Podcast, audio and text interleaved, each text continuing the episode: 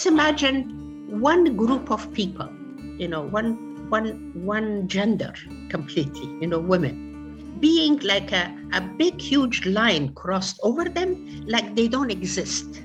They're not supposed to have a voice. They're not supposed to have a space. They're not supposed to demand anything. They're not supposed to have education. They're not supposed to go to the doctor. Actually, almost like they're not supposed to live. Elimination of a, of a, of a gender in Afghanistan, of women. That's how they want to do it. And, and this is where we are today.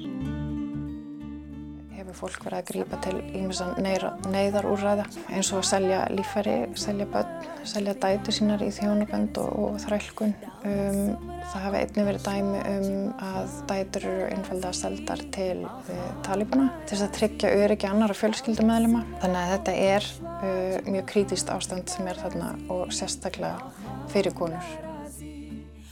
Það er ekkert eins hættulegt fyrir fólkið í þessum löndum, hvort sem það er Úgræn eða Afganistan, eins og afskiptarleysi almennings á, á Vesturlöndum. Þannig að það er mjög mikilvægt að halda vöku sinni og vera stöðugt að, að trýsta á að, að þessi sé sinn. Íslensk stjórnvöld geta sannlega gert það með stuðningi við þær konur og þau hvernarsamtök sem ennþá eru í, í Afganistan. لما يزرع خفتا كغيار دي لمسا ولي كغيار دي لمسا ولي Þarna hljómaði lagið Gulfam í flutningi Arjönnu Said sem er einn vinsalasta tónlistarkona Afganistans en lagið er af plötunni fór Taliban sem kom út í fyrra. Arjanna hafði um árabil komið fram á tónleikum og stýrt vinsalum tónlistarþáttum í afgönsku sjónvarpi allt þar til Kabul fjall í hendur Talibana 15. ágúst 2021. Hún reyna þeim fjölmörgu afgönum sem flúðu landið af óta við nýja ríkistjórn Talibana Tónlist hennar heyrist ekki lengur á ofinberum vettfangi í Afganistan því öll tónlist er bönnuð. Ég heiti Rakel Þorbergsdóttir og í þessum þætti beinu við kastljósunu að hörmulegum breytingum sem orðið hafa á lífi, kvenna og stúlkna í Afganistan á því einu ári sem liðið er frá valdatöku Talibana sem gekk hraðar en nokkur hafi spáð fyrir um. Brottkvar bandarískra hersveita markaði enn einn tímamótin í sögu afgönsku þjóðarinnar. Heimsbyðin fyldist aktofa með dramatískum tilraunum afganskra borgara til að flýja og myndir af örvingluðu fólki sem bóstallega hjekk utan á flúvél á flúbraut í Kabul líða aldrei úr minni. Markir höfðu óttast vestnandi stöðu kvenna og stúrkna í landinu og sá ótti hefur raungerst á þessu eina ári. Í dag segir mannrettindavaktinn Human Rights Watch að staða kvenna sé hverki jafn slæm í heiminum og í Afganistan. Hvergi er brotið jafn kerfisbundið á mannréttindum kvenna og stúrkna og neyð þeirra jafn mikil. Á örfáum vikum og mánuðum var helmingur þjóðarinnar sviftur öllum helstu réttindum og kynnslóðum kvenna kastað inn í myrkrið.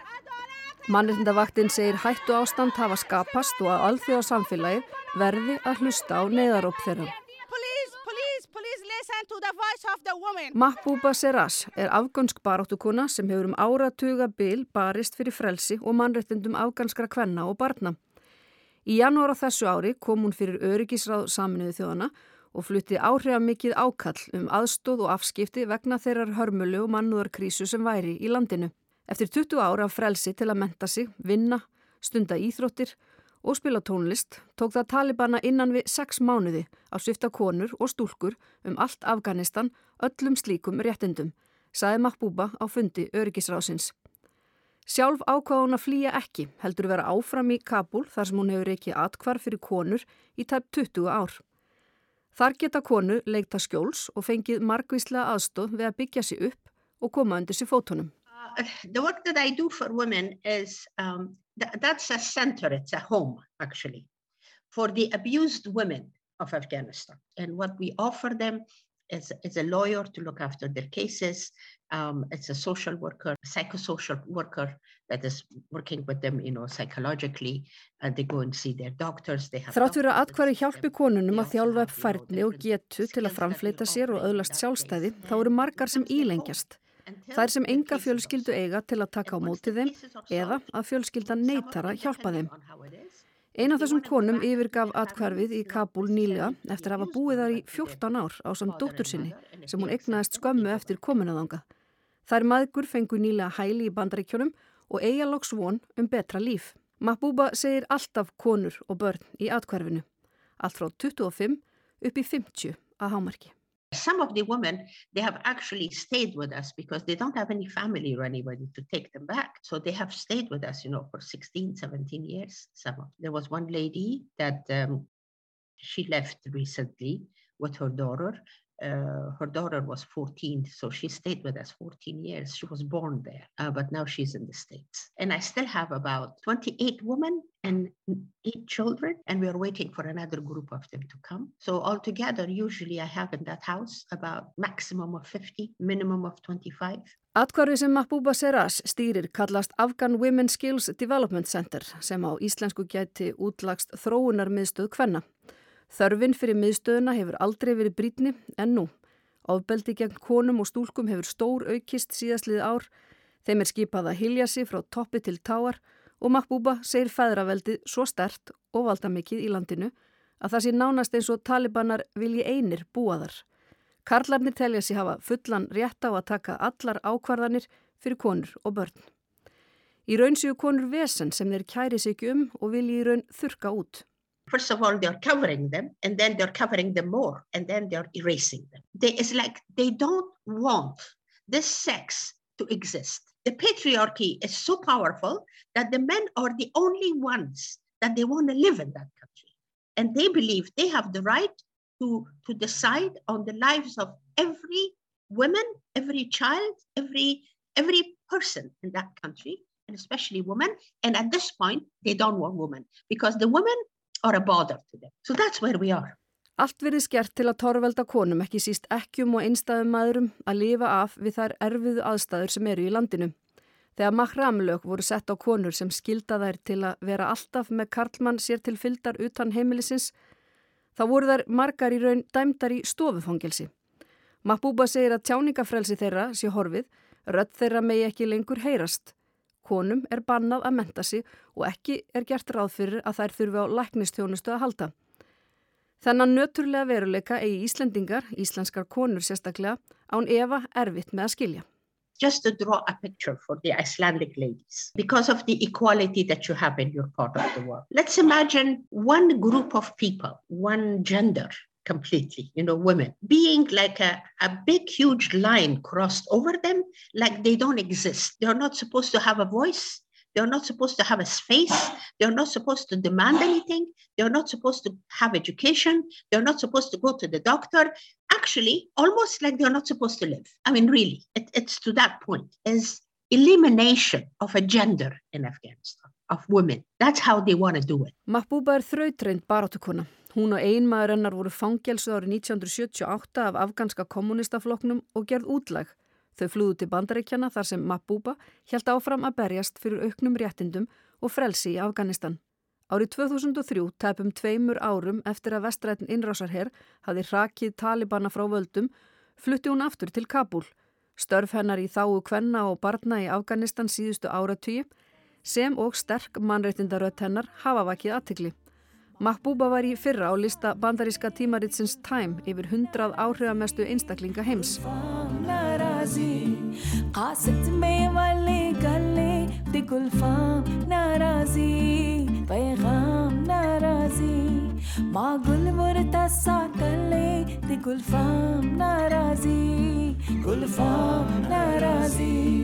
قاصد میں والے گلے دلارام ناراضی Það sem gerur stöðuna á ímsanhátt verri nú en árið 1996 þegar talibanar náðu völdum í Afganistan er svo 20 ára uppbygging sem varð frá 2001 til 2021 þegar erlendar hersveitir heldu talibanum frá völdum í stórum hluta landsins.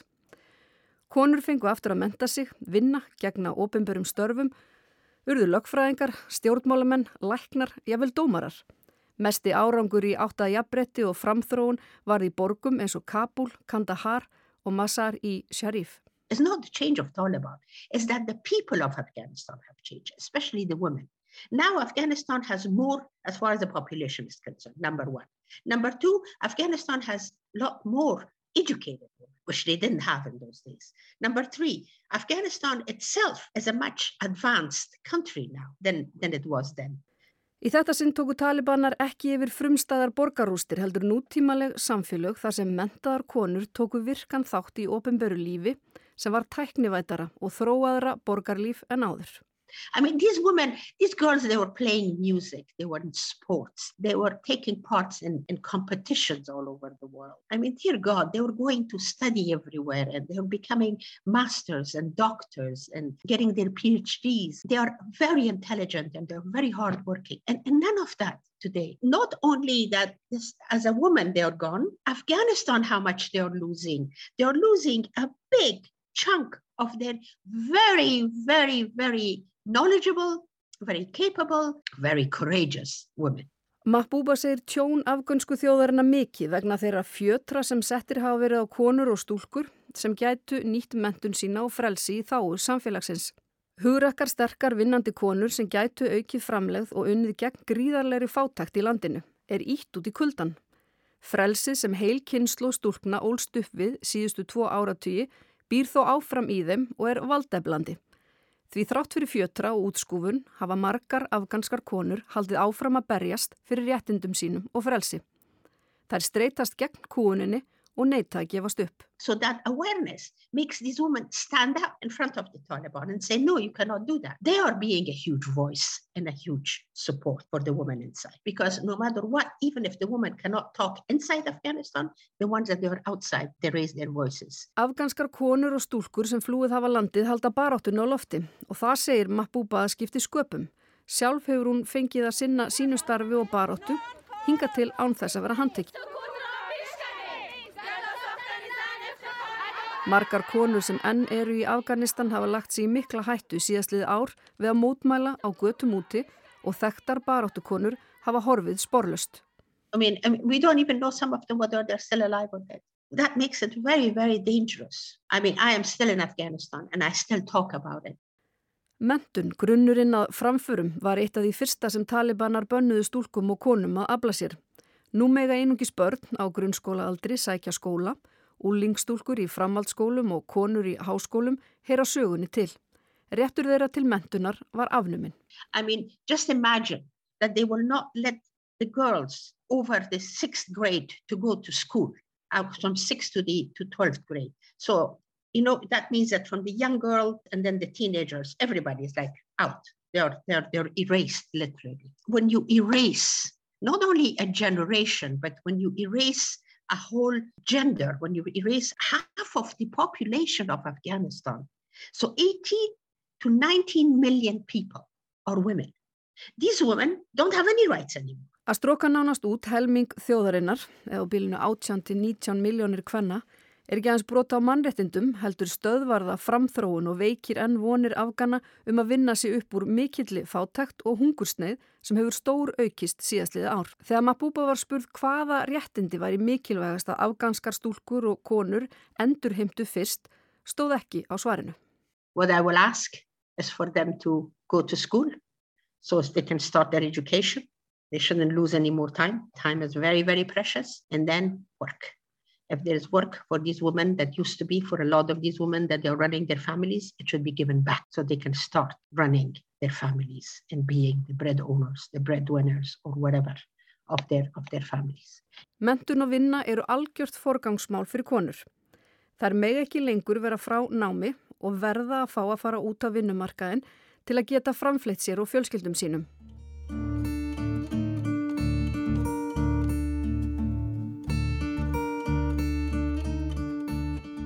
Yngibjörg Sólun Gísladóttir, fyrverandi utaríkisráð þeirra flutti til Kabul árið 2011 þar sem hún starfaði sem svæðistjóri UN Women í Afganistan. Þar kynntist hún vel bári stöðu afganskra kvenna og því afturhaldsama viðþorfi sem ríkt hefur til jafnbrettis í landinu. Viðþorf sem ekki einskorðast við Talibana heldur á sér dýpri rætur. Yngibjörg Sólun segir að mikill munur hafi verið á stöðu kvenna á landsbyðinni með við þeirra sem byggu í Kabul. Já, já ég fann það, gríðarlegu munur. Og, og það var kannski sko vandin sem við var eiga og það er svo sem ekki bara í, í Afganistan, það er sko viða um heim að, að þú nærið ákveðnum árangri í kvennabaróttunni og það verður viðhorsbreyting og þú sér sko réttarstöðu konu batna og, og, og þú sér konu taka virkað þátt í stjórnmálum og stjórnkerfi og stjórnsýslu og atvinnulífi í borgunum en þegar þú kemur út fyrir borginnar þá er staðan bara eitthvað allt önnur. Þannig þetta er ekki einskorðað við, við Afganistan en, en sko það sem er þetta, svo, svo hræðilegt Afganistan er meðferðin á konum út í byggðir landsins. Því að ég, mér fann stundum eins og sko kallarnir myndi fara betur með búfénaðin sinn heldur um konurnar. Stundum er sko bara meðferðin á, á konum og stúrkubötnum slík að mann man er bara hryllir við.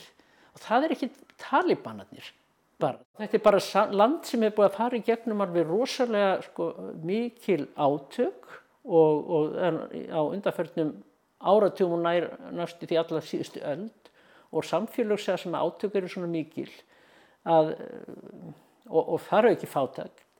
Þau verða bara vond. Það er bara þannig og það er það sem maður, sá og hrilti, við sko þegar maður sá konur í atkvörðum það var búið að skera þeim sko eiru og nef og, og hérna af því að þær höfðu ólínast eða af því að þær voru taldar hafa gert eitthvað sem þær átti ekki að gera eða það bara hreinlega drefnar og enginn einhvern veginn kifti sér upp við það. Þetta er sko, þetta er svo hryllilega forneskjulegt.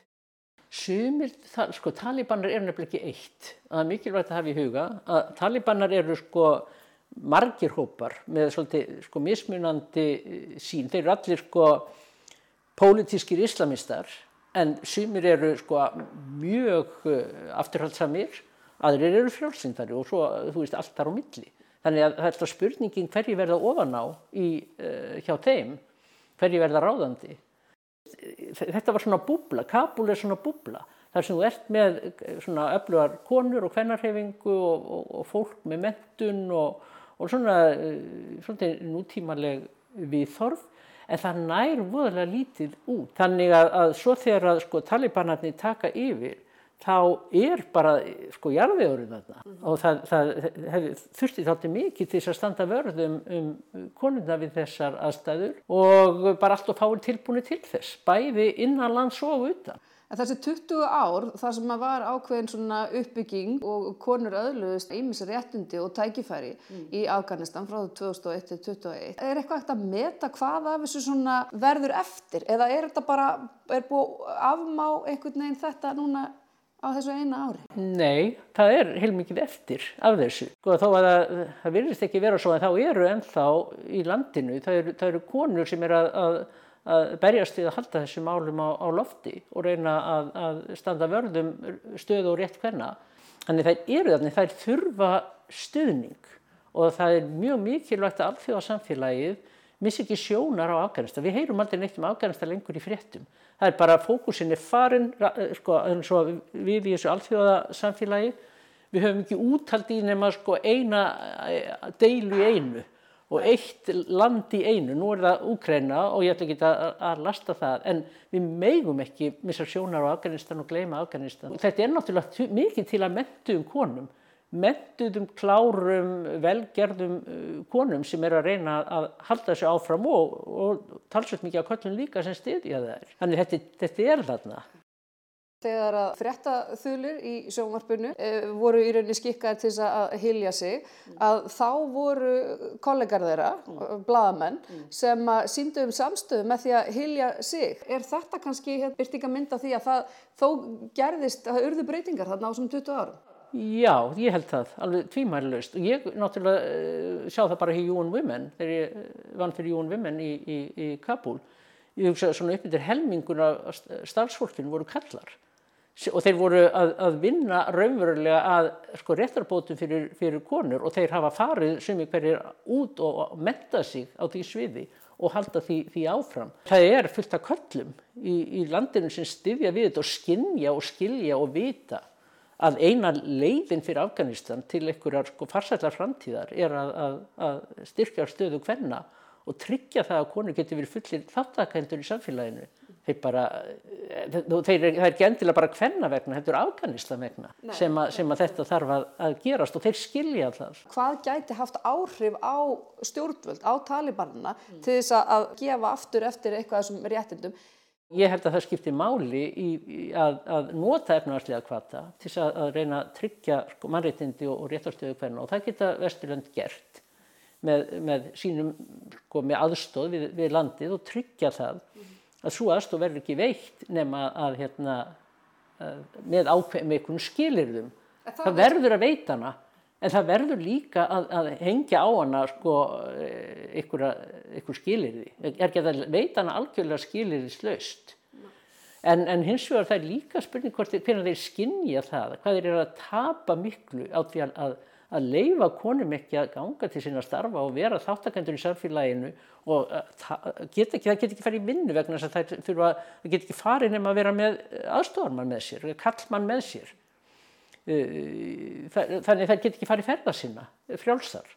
Og það þýðir það, ég held sem meti þannig núna að það sé svona 5% af þjóðaframlýstunum sem er að tapast út af þessu. Sama tíma er um helmingu þjóðarinn sem þarf að mannúðaraðstofa að halda og, og þriðjungu þjóðarinn veit ekki hvernig er máltíð næsta dag. Og, og, og þetta er sko svona hlutir að, að vera að, að keira í gegn svona afturhaldsum sama pólitík á, á sama tíma er auðvitað alveg galið.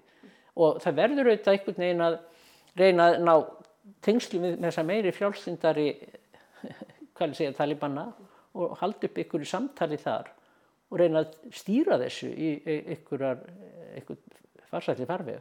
Það er mjög erfitt að, að skilir það mannúðaraðstóð vegna þess að mannúðaraðstóð það er verið að veita hana ekki stjórnveldum heldur fólki sem að sko er að hérna býr við hungursneið og, og, og, og eins og var í Afganistan í þessum hryllilega kulda sem er þar á veturnar.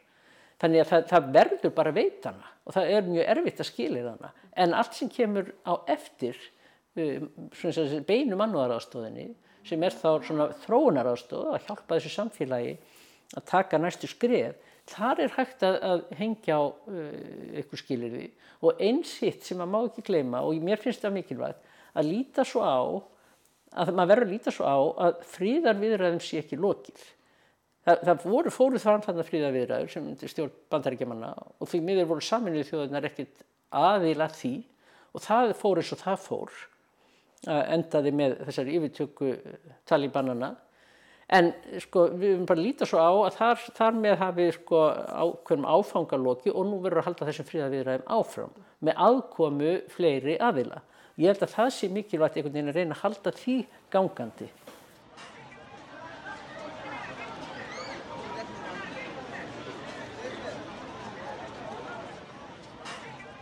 Fjölmörg afgunnsku og alþjóðleg hjálpar og mannúðarsamtök eru að störfum í Afganistan. Alþjóða Rauðikrossin og Rauði Hálmónin eru til að mynda með umfangsmikið hjálparstarf, UNICEF, Barnahjálp Saminuði þjóðana, Læknar án landamæra, auk matvæla áallunar Saminuði þjóðana sem stór hluti íbúa þess að fátaka lands reyðir sig á til að komast af. UN Women sá armur Saminuði þjóðana sem vinnur að því að tryggja réttindi stúlkna og hvenna er enn að störfum í Afganistan en starfsaðstæður hafa gjör breyst á síðastlinu ári. Sara McMahon er sérfræðingur á kynningarsviði UN Women á Íslandi sem er ein af tólf starfandi landsnemdum UN Women í heiminum. Sko við fórum að stað með neyðarsögnun uh, í september uh, til styrtar UN Women í Afganistan og þeirra verkefnum. Svo hefur í rauninni verið bara svolítið uh, óstöðugt starfsumhverfið þar vegna ástandsins og stjórnarinnar. Hafa þær upplýsingar og myndefni eða, eða hvað eina sem, sem þið almennt eru að fá, hefur það breyst frá því að, að, að talibaninni tóku við og, og landi fór svolítið að lokast fyrir konum? Já, þegar, þegar talibanar hérna, tóku Kabul e, þá til dæmis fengum við þau fyrirmæri frá höfustöðum, við mættum ekki tjá okkur um málið fyrir en það var búið að tryggja öryggi allra starfsmanna og þeirra hvenna sem voru að nýta þjónustu jónvimmen. Heimasýður voru tekna niður svo það væri engar myndir af konunum, það verið ekki hægt að reykja þær til okkar eða, eða hérna, að stefna lífið þeirra þannig hættu. Þannig að hendur okkar voru svolítið bundnar í, í svolítið tíma á meðan það var verið að koma fólki burt og í örugt skjól. Og fyrir vikið, úst, við, það eru mjög stranga reglur frá höfustöðum með það að það eru engar myndbyrtingar leifðar í efni frá Afganistan, það má sjást í nakka eða úst, einhverja yfirlitsmyndir en það má ekki andlit með ekki verið greinaleg og það sama er bara hérna uh, þeir sem starfa í Afganistan þurfa að passa sig hvað þau segja um, bæði úst, vegna uh, síns öryggis en líka bara til þess að stefna ekki verkefnunum í hættu þannig að þeir uh, talibann ákveða allir að henda þeim út bara mm. úr landinu. Þannig að fyrir þær sem starfa núna í Jón Women Afganistan um, þetta er mjög háð svona dötlungum uh, talibann stjórnarinnar um, þannig að þær fara reglulega uh, og eiga samtal við hvern einasta uh, hérastjóra og reyna að fá þá til samstarfs eða allavega að fá svona einhvers konar leiði til þess að reyka þessi atkvörf og, hérna, og það er yfirleitt gert bara með því að þeir samþykja að láta sem þau séu ekki til og hérna en það er, veist, þetta er ekki örugt eh, rækstararumhverfi og hérna náttúrulega bara frekar erfitt og tímafrekt að þurfa standi í þessu. Neiðin sem mætt hefur mannúðarsamtökum eins og UN Women síðasta árið er mikil og Sara segir að örvending í búana takja á sig ymsar myndir. Þegar það hérna, kreppir svona aðeins og hjá Afganistan þegar verða átök og, og hérna, efnarsþrengingar og svona alltaf ofna það bætist við e, náttúruhanfarir og þurkar að hérna, e, tíðinni maður á ungbarnadauða e, yfirleitt markfaldast Eh, þjónustalegur niður í náttúrulega og, og, og næringarskortur mikill þannig að við höfum séð það rjúka upp núna undanfærið ár. Ofan á það hefur fólk verið að grípa til ímessan neyðarúrræða sem eru já, eins og að selja lífæri, selja börn, selja dæti sínar í þjónabönd og, og þrælkun. Um, það hafa einnig verið dæmi um að dætur eru einfalda seldar til uh, talibana til þess að tryggja öryggi annara fjölskyldumæðlema. Þannig að þetta er uh, mjög krítíst ástand sem er þarna og sérstaklega fyrir konur og bötara. Þannig að uh, ég held að svona ágætt að hafa það í huga líka að, að hérna, þetta er rosalegur veruleiki sem konur búa við þarna núna. Alþjóðleg hjálparsamtök sem veita aðstof víða um heim standa frammi fyrir þeim veruleika að fjármagn og jáfnvel aðtegli fólks er að skortum skamti. Þannig hefur stríðið í Úkrænu haft bein áhrif á þá aðstof sem veitir annar staðar þar á meðal í Afganistan. Aðteglinn fór öll yfir á Úkrænu umlega og það hérna, gerðist og mikið af fjármagninu sem er leiðis og við höfum líka bara fundað í öðrum verkefnum okkar að hérna uh, Sest, eh, ríkistjórnir og stjórnvöld og svona aðri styrtaræðilegar hafa verið að draga fjármagn úr til dæmis uh, refugee response programum annar staðar, Tyrklandi meðal annars og veita þeim fjármagnum frekar til Úkrænu. Það kemur ekki auka fjármagn til Úkrænu heldur ef verið að taka fjármagn úr öðrum, öðrum verkefnum. Hefur það, hafið þið fundið fyrir samdrætti þar?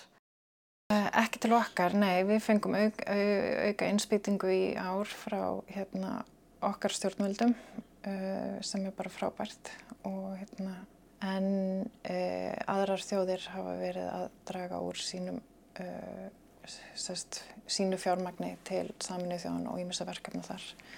Góður árangur íslensku landsnefndar UN Women hefur vakið aðtigli og Sara segir að sterk vitund Íslendinga um kynjajabrétti og jöfnuð skýri án Eva þennan öfluga stuðning. Samtökinn séu þekkt hér á landi og fólk beri tröst til þeirra. Ég held að okkar sérstæði liggi helst í okkar mánalegum styrtaræðalum. Uh, það fjármagnir sem við höfum verið að senda út kemur í rauninni frá þeim og við hefum verið að setja, senda út uh, hæsta framlag allara landsnæmda minni mig sjötta ári í rauð núna. Við erum minnsta landsnæmdinn, minnsta þjóðinn og erum samt að senda herra framlag heldur um Bandaríkin, Ástralja, uh, Breitland og það er þökk, sé, úst, það er þökk þessum ljósburum okkar sem styrkja við okkur mánuðarlega. Er þið eitthvað í því að, að, að útskýra eða, eða upplýsa fólk um það, já þessi peningar fóru í að gera nákvæmlega þetta og þetta og þetta í Afganistan? Uh, já, við höfum reynd að gera það. Við finnum líka bara ljósbyrjar uh, kunna meta uh, og sumir hafa kallað eftir því að fá svona aðeins betri útskynningar á hvert peningunir fara. En munurinn okkur og kannski öðrum stofnunum saminuðu þjóðana er að við erum líka svo mikið í lobbyjastmannum og lagbreytingum og það er svolítið, er, það er ekki alveg haldbært og að senda út 50 skamta af bóluefni eða einhverju slíku. Við erum líka að vinna að lagbreytingum til dæmis að hækka giftingaraldur uh, til þess að reyna að koma í veg fyrir þungubatna hjónubönd og svona en við fáum oft update frá landsskrifstofum og, hérna, og höfustöðum og fengum nýverið mjög góða skýrslu frá Afganistana mitt um þeirra markmið næstu sex mánuðina sem er að reyna að fjölga uh, hvenna atkvörum uh, svona one-stop centrum sem eru svona held, heldrannar stöðvar sem taka móti konum. Og svo er það að stiðja bara við uh, konur sem eru, hafa verið meðal annars viðlóðandi fyrir ríkistjórn og svona sem er að fara að hulda höfði núna, stiðja við þær með svona ymsum ráðum og bara mannréttata frömuði og annað og reyna að tryggja öryggi þarra. Þannig að það eru alls konar verkefni sem Jón Veimann er að vinna að eins og er í Afganistan en náttúrulega við allt öðruvísi aðstæður. Hafið þið eitthvað um það að segja hvert peningarnir fara þar sem að sapnast hér á landi? Uh, já, við höfum verið að sapna fyrir svona erðna mertum verkefnum eins og með FO herrförunum okkar. Þar eru fer fjármagnið í sérst, ákveðin verkefni og þá eru bara búin til verkefnunúmur um það, uh, utan um það í verkefni og sérst, peningunum þeir fara þangað. Svo hafa, sérst, hefur verið krafa frá höfustöðum um að auka framlög til sérst, uh, kórsjóðsins um, sem við höfum verið að gera líka og þá fer þetta sérst, í bara starri púlu og þau beina fjármagninu þangað sem þarf.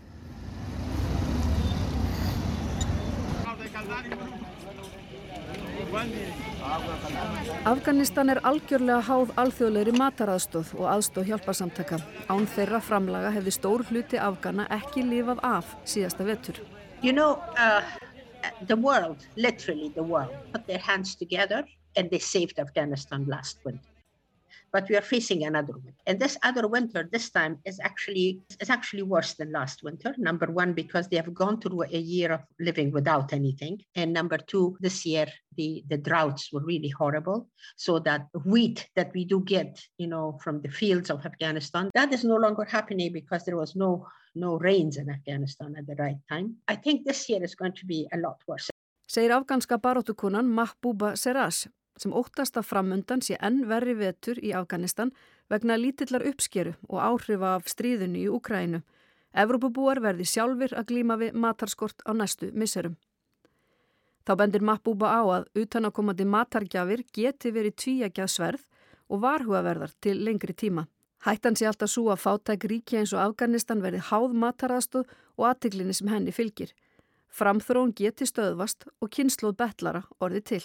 The humanitarian help in Afghanistan or in the countries like this in the world is like a two-edged sword. You have to be very careful how you use that because then a country can become so absorbed by, by the, the world attention and the people's attention. People, number one, become beggars when you start continuing this. Number two, the world's attention is going to be so that they will not think of anything else but to give them, you know, let's get, let's send them some money and shut them down. And everything else about the country stands still and nobody will think about it and then and then the food and and, and the although they are the most important the number one priority i know that but when the attention of the world is only on this then it becomes dangerous so then the balance disappears Mahbúba segir að hvert og eitt okkar hafi rött og það séu ymsar leiðir til að láta hana heyrast. Ára tuga mannreitindabaróttu fylgja hins vegar oft vonbriði og jáfnvel gremja en Mahbúba neytar að gefast upp. You know the one the one thing that absolutely drives me crazy is, is really feeling absolutely helpless me as a human being or you as a human being we have no power we do rankle we really do you with your radio program me with my voice why do you think i've been yelling for the past year somebody has to raise their voice. Somebody has to tell the world, come on, guys, let's start looking at it this way. And that has to be done by women. I promise you that. Akkur heldur að ég hafi verið að hrópa síðastliði ár. Það verður einhver að vekja aðtikla á ástandinu og segja heimsbyðinni, látið ekki svona, horfum á þetta með nýjum hætti, segir Mahbúba. Það var einmitt ný nálgun við að leita lausna í málefnum Afganistans sem Mahbúba fór fram á í erindi sína á fundi öryggisra á saminuðu þjóðana fyrr á þessu ári. Mahbúba vill að konur fái runvurulegt sæti við borði þegar rættir um erfiða stöðu Afganistans og runvurulegar viðræður um framtíð landsins fara fram. Ekki sem þögglar sætafyllur heldur sem fulltrúar með skoðanir og vægi. Það hafið þær aldrei fengið, jafnvel á þeim 20 árum þegar uppbygging með alþjóðastofnunum og vestrætni íhlutun fór fram. not only for the past year, for the past 20 years, we fought for the women to have the, the proper place at the table, not just filling a chair, but a place with power, a place with voice, a place with representation. That place was, was never given to the women, never. I don't want that kind of representative. Why do you think the whole, that we are still fighting with, for the rights of the Afghan women? Because their voices were not raised at the right place, the right time, the right way, by the right people. That's what happened. Nöturleg staða hvenna í Afganistan í dag sé bein afleiðing af áhrifaleysi þeirra við stefnumótun, fríðarviðræður og ákvarðanatöku. Rattir þeirra hafi ekki fengið að hljóma á réttum stöðum með rétta fólkinu. When the Taliban had their meeting in Kabul, I mean, one of the Taliban, uh, one of their leaders was saying, well, we really don't think women should be in this, in this gathering because, you know, there's going to be their men there. So the men will be talking up for their sisters, of course, their mothers, of course, their wives and their daughters who they love so much. Nýlegar yfirlýsingar Talibana um að konur megi ekki sitja fundi eða taka þátt í viðræðum þýði að karlarnir ætla að vera málsvarar fyrir sistur sínar, fyrir mæður sínar, eiginkonur og dætur sem þeir elska svo mikið. Það sé fullkomlega ótrúverðugt í ljósi stöðunar. Yeah, really? You will really be talking for us? You're really going to be standing for our rights? Is, is that what we are supposed to be believing in you and saying that this is how it really is?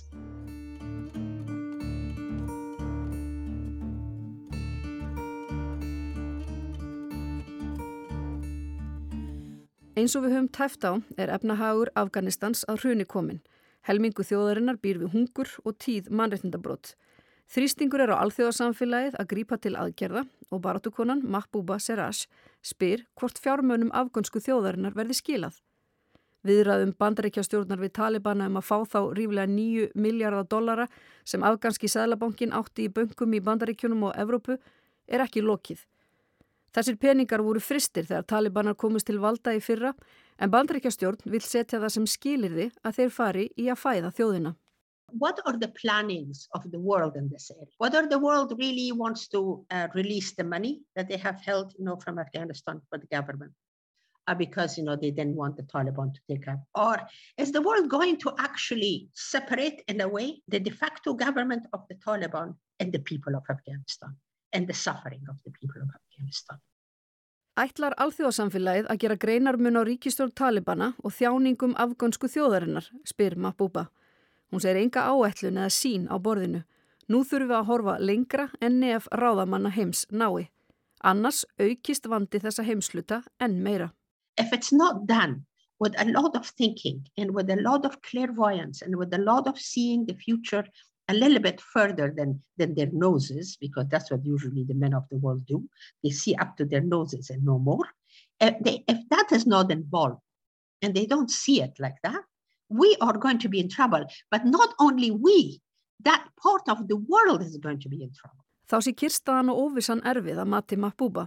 Afganska þjóðin hafi ekki úttald í það. But having, keeping us in this limbo, that is very wrong. You know, it's, it's, it's, driving, it's driving all of us crazy. Mahbúba segist ekki vera með hræðslu áróður eða vilja vekja ugg í brjósti að ósekju. Það sé hins vegar jafn mikil staðrind og að nattrann hlínun er staðrind að vandi ríkja eins og Afganistans hafi áhrif á og varði heiminn allan. Hún hvetur leiðtóða til að vera stórhuga og hugsa út fyrir bóksið. Heildrænt fyrir heiminn, ekki engungu út frá velferð einstakra ríkja og íbúa þeirra. And I'm not, I'm not trying to be the, the scaremonger here and trying to scare everybody. No, it's a fact. These are facts, like the same way the climate was a fact and is a fact. think big, think out of the box. How about if this time, honestly, the, the leaders of the world start thinking for the world, not for a country in the world, but for the world, for this blue, amazing planet of ours. That is the only thing we've got. Ingibjörg Sólún Gísladóttir tekur undir að alþjóðarsamfélagið hafi skildum að gegna. En ég er líka sko að það sé mikilvægt varandi fríðaviðræðunar að þetta sé, uh, það sé sem stundi fórstu saminuð þjóðana. Það verður að við bandaríkjumenn náttúrulega bara klúruðu þessu.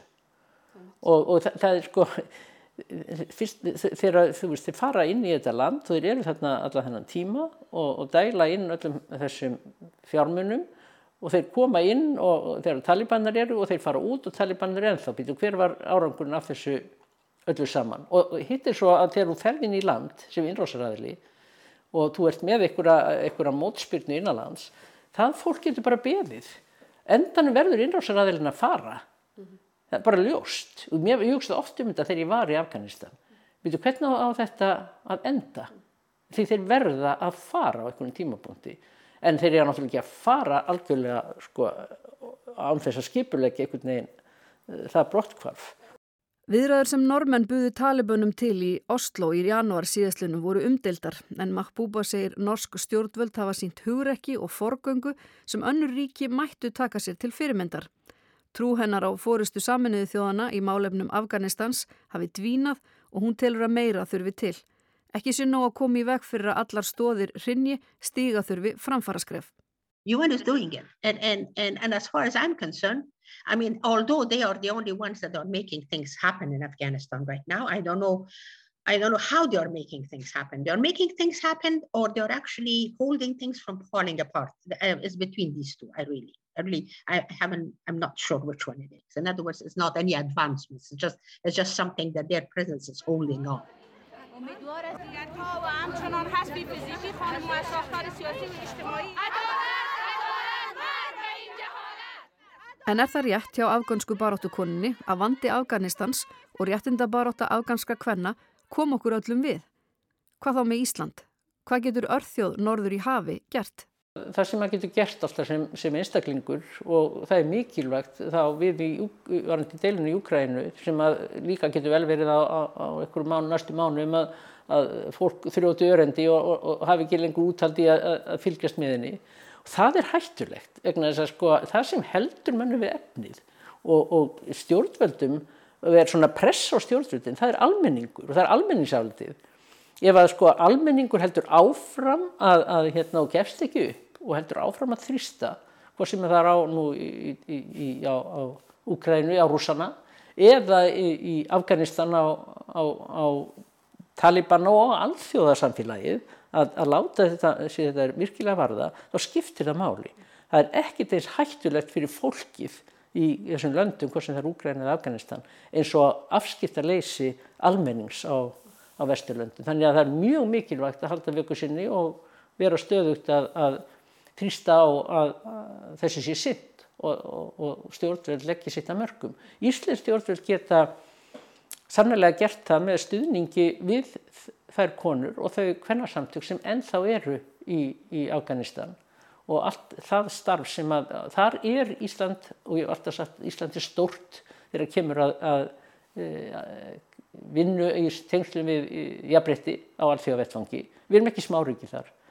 Við erum, við erum stór og við skiptum mál og við hefum rött og við hefum að beita henni og nota hana.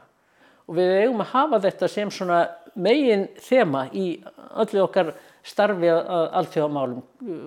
Hvort sem það nú sko þróunamál eða, eða mannúðarmál eða alþjóðapólitík. Við eigum að hafa þetta sem, sem megin uh, þema í, í öllu okkar starfi og ég held til dæmis hvað var þar Afganistan þá er mjög mikilvægt að sko og líka það almennt við að koma ekki með einhverjar heima tilbúnar lausnir og skella þeim ofan á sem að, sem að fólki við, við komum til löndum eitthvað sem að hendar okkur heima fyrir eða býr til einhver starf eða býr til einhverja tekjur heima fyrir. Við verðum að hlusta eftir röndunum á, á staðnum þar sem við ætlum að vinna og vita hvað vil fólki þar, hvað vilja konuna þar, hvað kemur þeim best og það eru ennþá konur í Afganistan og það eru hvernarsamtök og það eru þau sem þurfa stuðningi núna og þau þurfa að segja okkur hvernig það ná að vera.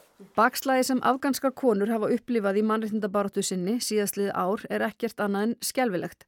Tefnilega 40 ára dystopía kanadíska skáldsins Margreðar Atwood í sögu þörnunar The Handmaid's Tale er kannski svo hliðstæða sem kemst næst í að fanga þá ánuð sem réttlausar stúlkur og konur í Afganistan eru nú hneftar í. Engar vísbendingar eru um að stjórn Talibana ætla að svara kalli mannréttindasamtaka og viðkenna réttindi hvenna eða veita þeim auki frelsi. Hleypið þeim aftur inn í skólastofur, út af vinnumarkaðin eða viðkenni rétt þeirra til að ferðast um samfélagið án Karlkins fyldarmanns. Afganskar baróttukonur eins og Mahbúba Seras neyta að gefast upp og sömulegist þar konur sem flúið hafa land. Þær vita að þeirra er rétturinn, jafn náttúrulegur og þeim réttborinn og karlana sem yfir þeim drotna. Ég veit ekki hversu vel okkar ráð duga. Sko það er bara eina ráði sem ég ætla að gefa og ég held að sé bara sko líkilatrið, það er bara konu verða að standa saman og það í Afganistan það var bara líkilatrið fyrir konur að standa saman og, og styfja við konur hvar sem, hvar sem er, því verður við komið. Það er bara líkilatrið eh, og það er bara gefist, gefist best. Sara McMahon, sérfræðingur hjá UN Women á Íslandi, segir það eitt af hlutverkum samtakana og annara mannúðarsamtaka að sjá til þess að neyð afganska kvenna gleimist aldrei. Somebody has to raise their voice. Somebody has to tell the world